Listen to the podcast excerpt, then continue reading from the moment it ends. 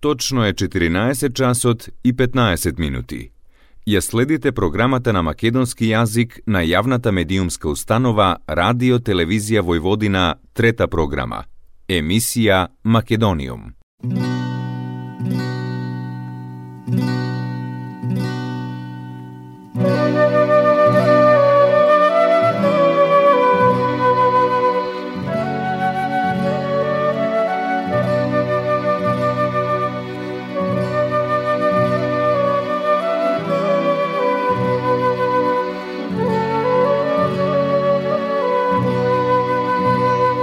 Македониум.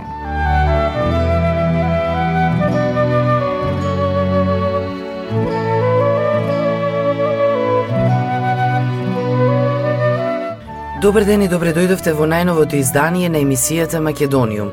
Со вас, почитувани слушатели, е вашиот уредник и водител Јулијана Милутиновиќ. Македониум. Министерката за култура на Република Северна Македонија Бисера Костадиновска Стојчевска учествуваше на Министерскиот состанок за промоција на првата министерска платформа на Западен Балкан за култура во Тирана, Албанија, организиран од страна на Марија Габриел, Европска комесарка за иновации, истражување, култура, образование и млади. Министрите од Западен Балкан ги истакнаа предизвиците со кои се соочуваат со младите и културното наследство. Потребни се уште повеќе вмрежување и заеднички проекти. Во моментов се реализираат 13 проекти во висина од 3 милиони евра, кои се наменети за Западен Балкан, за да се негува и зачува културното наследство, така што оваа платформа е важна за заедничко делување на земјите во културата. Културното наследство ни ја дава основата на заедништвото, заедничката припадност во рамките на Европа, бидејќи ние споделуваме заедничка повеќе милениумска испреплетена традиционална култура, која резултира со сегашните позитивни процеси на промовирање на истата. Преку развивање на програма на размена на млади луѓе од цела Европа, кои ќе ги презентираат културните традиционални особености, културно наследство, разноликости и вредности на земјата од која доаѓаат, само ќе се придонесе уште повеќе за запознавање со истите и промовирање на вредностите на заедничката културолошка припадност. Исто така потребна е и поддршката на проекти и проектни активности кои придонесуваат за свеста за македонското, балканското, но и за европското културно наследство кај младите луѓе преку традиционални образовни методи и модерни дигитални технологии кои се клучен интерес за помладата генерација, истакна на станокот во Тиранат Костадиновска Стојчевска. Според министерката, тоа значи организирање на интерактивни практични работилници за младите, промовирање на вредностите и значењето на етнологијата, историјата, историјата на уметноста, археологијата, конзервацијата на културното наследство, зачувувањето на јазикот и друго. Токму работилниците кои планира да ги организира Министерството за култура на Република Северна Македонија ќе имаат за цел да им ја објаснат на младите приврзаноста на традиционалната култура со природната средина и потребата да се зачува таа врска во одржлива иднина. Во минатото, поради одржливоста, беше постигнат напредок на цивилизацијата. Стручните профили како кустос, конзерватор, документарист, фолклорист, филмолог и така натаму, Токму овие професии ни дадоа можност да ја разбереме сегашноста преку истражување и заштита на вредностите од минатото, а обезбедивме и патоказ за еднината.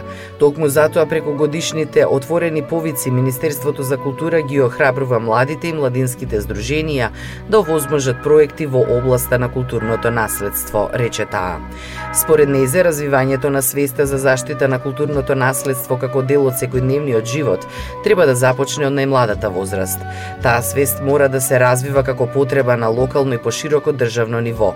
Културата не треба да биде сувенир, туку економски фактор, а треба да се инвестира во образованието уште од најмала возраст, се со цел да се развие свеста кај младите за културното наследство. Министерскиот состанок представува клучен настан во заедничките напори за одржување на политичкиот момент, поттикнат од започнувањето на агендата на Западен Балкан на самитот во Брдо поминатиот октомври со главен фокус на иновации, истражување, образование, култура, млади и спорт преку кој Западен Балкан е на солиден пат кон поблиска соработка во тие области на политиката. Клучните теми на кои се водеа дискусиите за време на министерските состаноци вклучуваа културно наследство, соработка меѓу академскиот и бизнис секторот, како двигатели на иновациите и учење за одржливост на животната средина.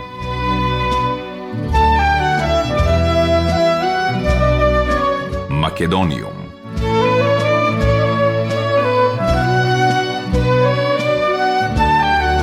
Правните служби на трите предпријатија за наплата на патарини на Србија, Македонија и Албанија работат на подготовки за договорот за експлоатација и единствена електронска наплата за возилата од земјите на Отворен Балкан, а подпишувањето се очекува на почетокот на септември, најави Зоран Дробњак, директор на Патишта Србија. Во предходниот период поминавме низ испитување на техничките карактеристики на трите наплатни системи на Србија, Македонија и Албанија.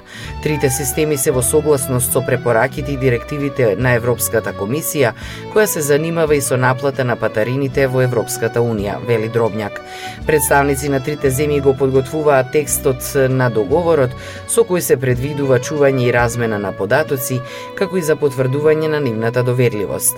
По подпишувањето на договорот се очекува и физичко тестирање на апаратите за електронска наплата на патарините, таа го редите преку системи за наплата, чија изработка е во завршна фаза.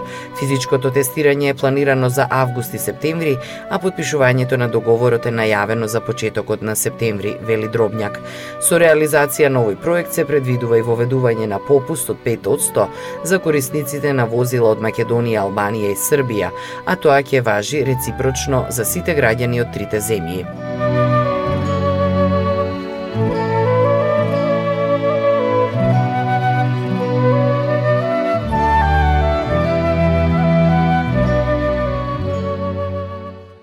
Makedonium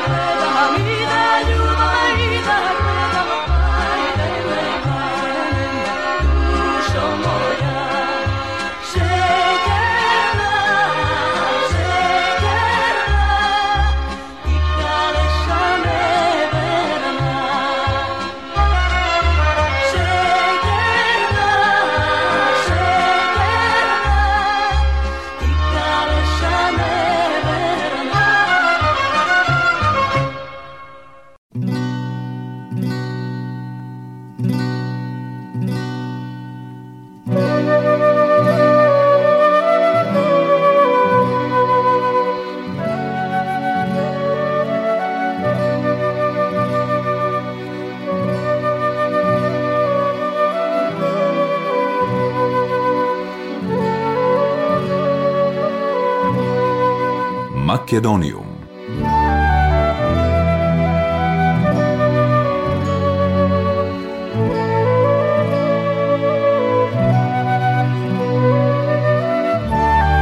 Говорејќи пред членовите на Европскиот парламент и парламентарците на земјите на патот кон членство во Европската Унија, Еврокомесарот за проширување Оливер Вархеј изјавил дека во сегашниот променет геополитички контекст Западен Балкан останува приоритет за Европската Унија, како што пишуваат медиумите.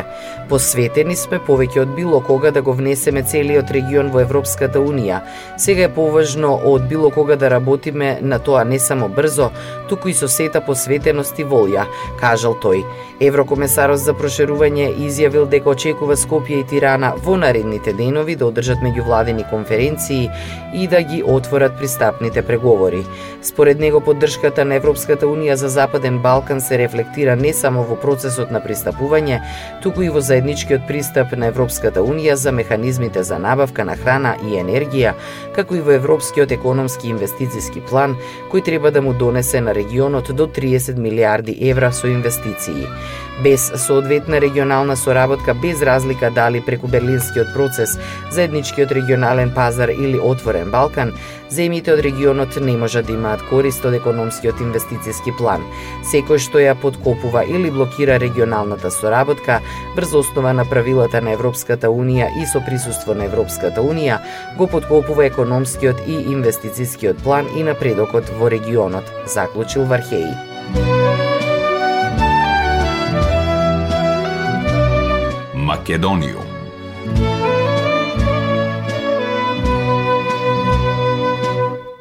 На два дена пред завршувањето на француското председателство со Европската Унија, властите во Република Северна Македонија вчера информираа дека нема нови моменти во однос на нацрт верзијата на предлогот на Франција за повлекување на бугарското вето на македонскиот евроинтегративен пат, но порачаа дека остануваме целосно посветени на спроведување на реформите и задржување на европскиот курс на државата.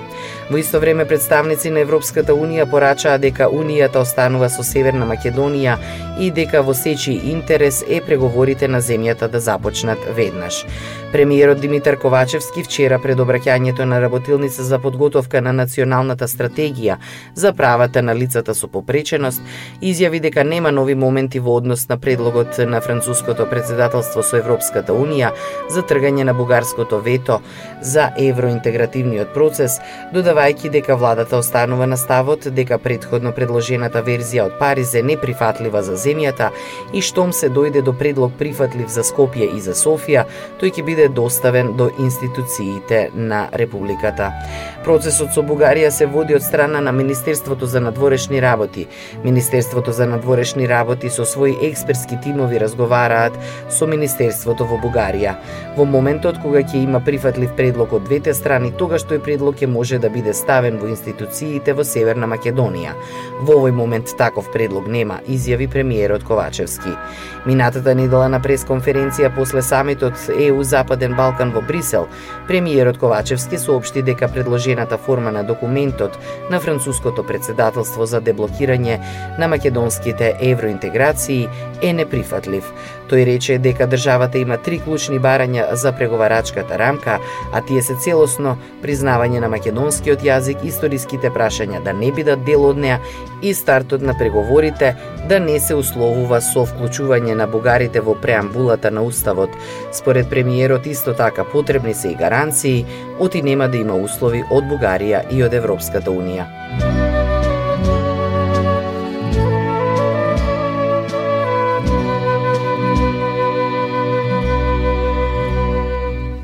Македониум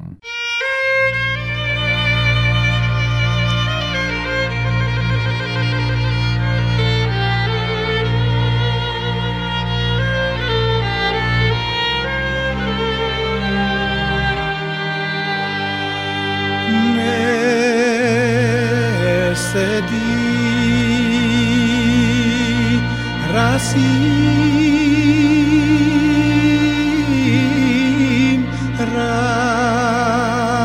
ρασπασαν, Ρασιμ,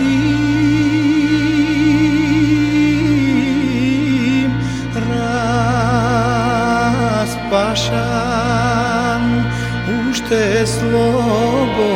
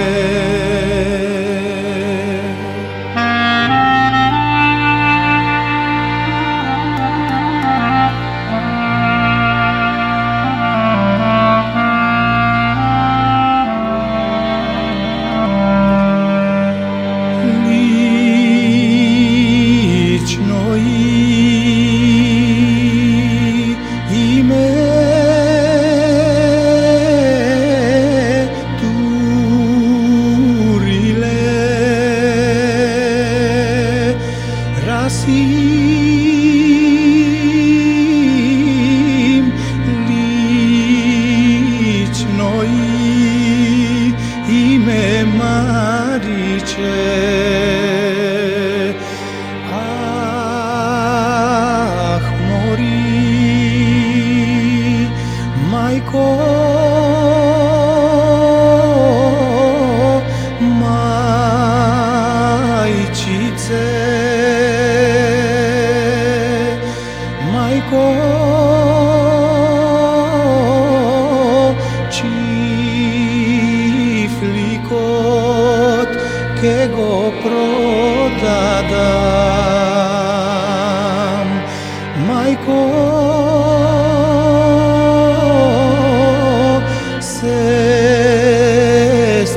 mí que ya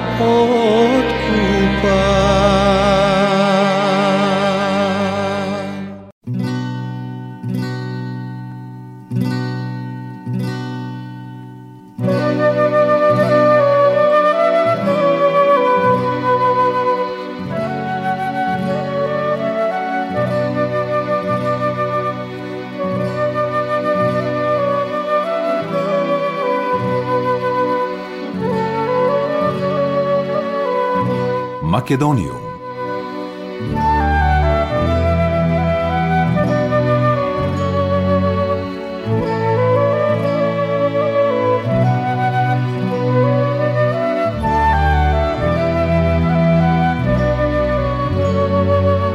Во интервју со новинарот Горан Момировски за емисијата Заспи ако можеш, австриецот Кнаус откри дека дури и ако Македонија го прифати целосно бугарскиот протокол и францускиот предлог нема да стане членка на Европската унија.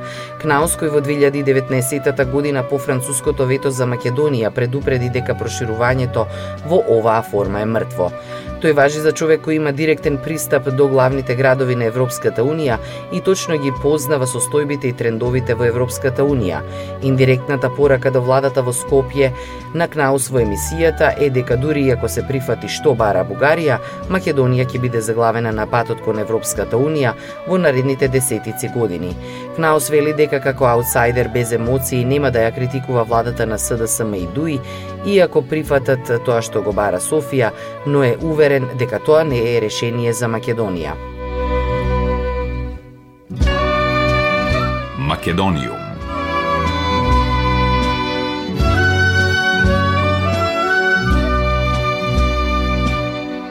Кабинетот на поранешниот председател на Република Северна Македонија Иванов формира дека по 13 пат ќе се одржи традиционалната школа за млади лидери на председателот. Денес е објавен конкурсот за учество на меѓународната обука за млади лидери на професор доктор Ѓорѓе Иванов, председател на Република Македонија од 2009 до 2019 која оваа година ќе биде на тема Морално лидерство. Меѓународната обука за млади лидери на професор доктор Ѓорѓе Иванов традиционално се одржува од 2010 година. Во досегашните 12 обуки учествуваа околу 480 млади луѓе од целиот свет со различен академски и професионален фокус. Пред 12-те генерации учесници на школата за млади лидери, предавање одржа над 240 реномирани предавачи од Република Македонија, Европа и светот. Во 2018 година школата за млади лидери е прогласена за најдобар социјално одговорен проект во Европа за 2017 година од страна на Светскиот инвестициски форум на Бизнис Ангели. Оваа година школата за млади лидери на председателот Иванов ќе се организира комбинирано онлайн и со физичко присуство во периодот од 16 до 30 септември 2022. Програмата е наменета за млади луѓе со завршено високо образование до 35 години, дипломирани студенти и професионалци со работно искуство. Се очекува учесниците да имаат желба континуирано да ги развиваат и усовршуваат нивните лидерски вештини и да предонесуваат за позитивен развој на општеството и околината во која живеат и работат. Обуката опфаќа предавања од предавачи од земјата и од странство, кои ќе споделат искуства и знаења, кои би ги поттикнале учесниците да размислуваат аналитички и да креираат заеднички решенија за предизвиците со кои се соочуваат, како и интерактивно да се вклучат на предавањата кои ќе се одвиваат на македонски и англиски јазик. Бројот на учесници е ограничен, а право на учество имаат сите млади кои ги исполнуваат условите наведени во конкурсот, објавен на веб страната и на Facebook страната на Школата за млади лидери на председателот Иванов.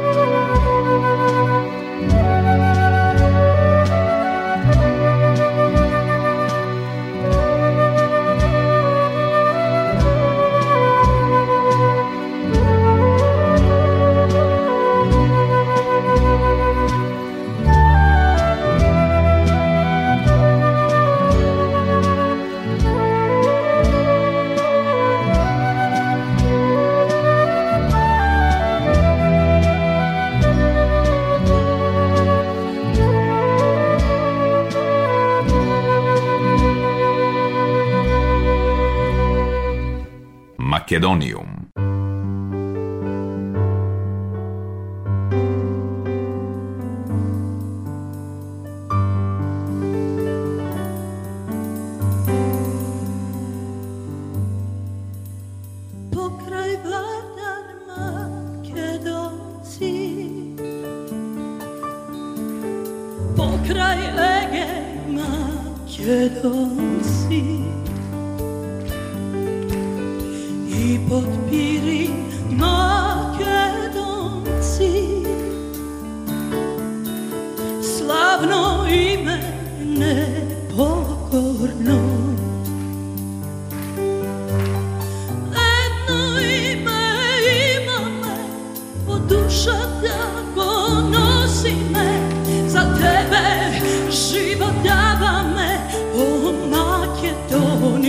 走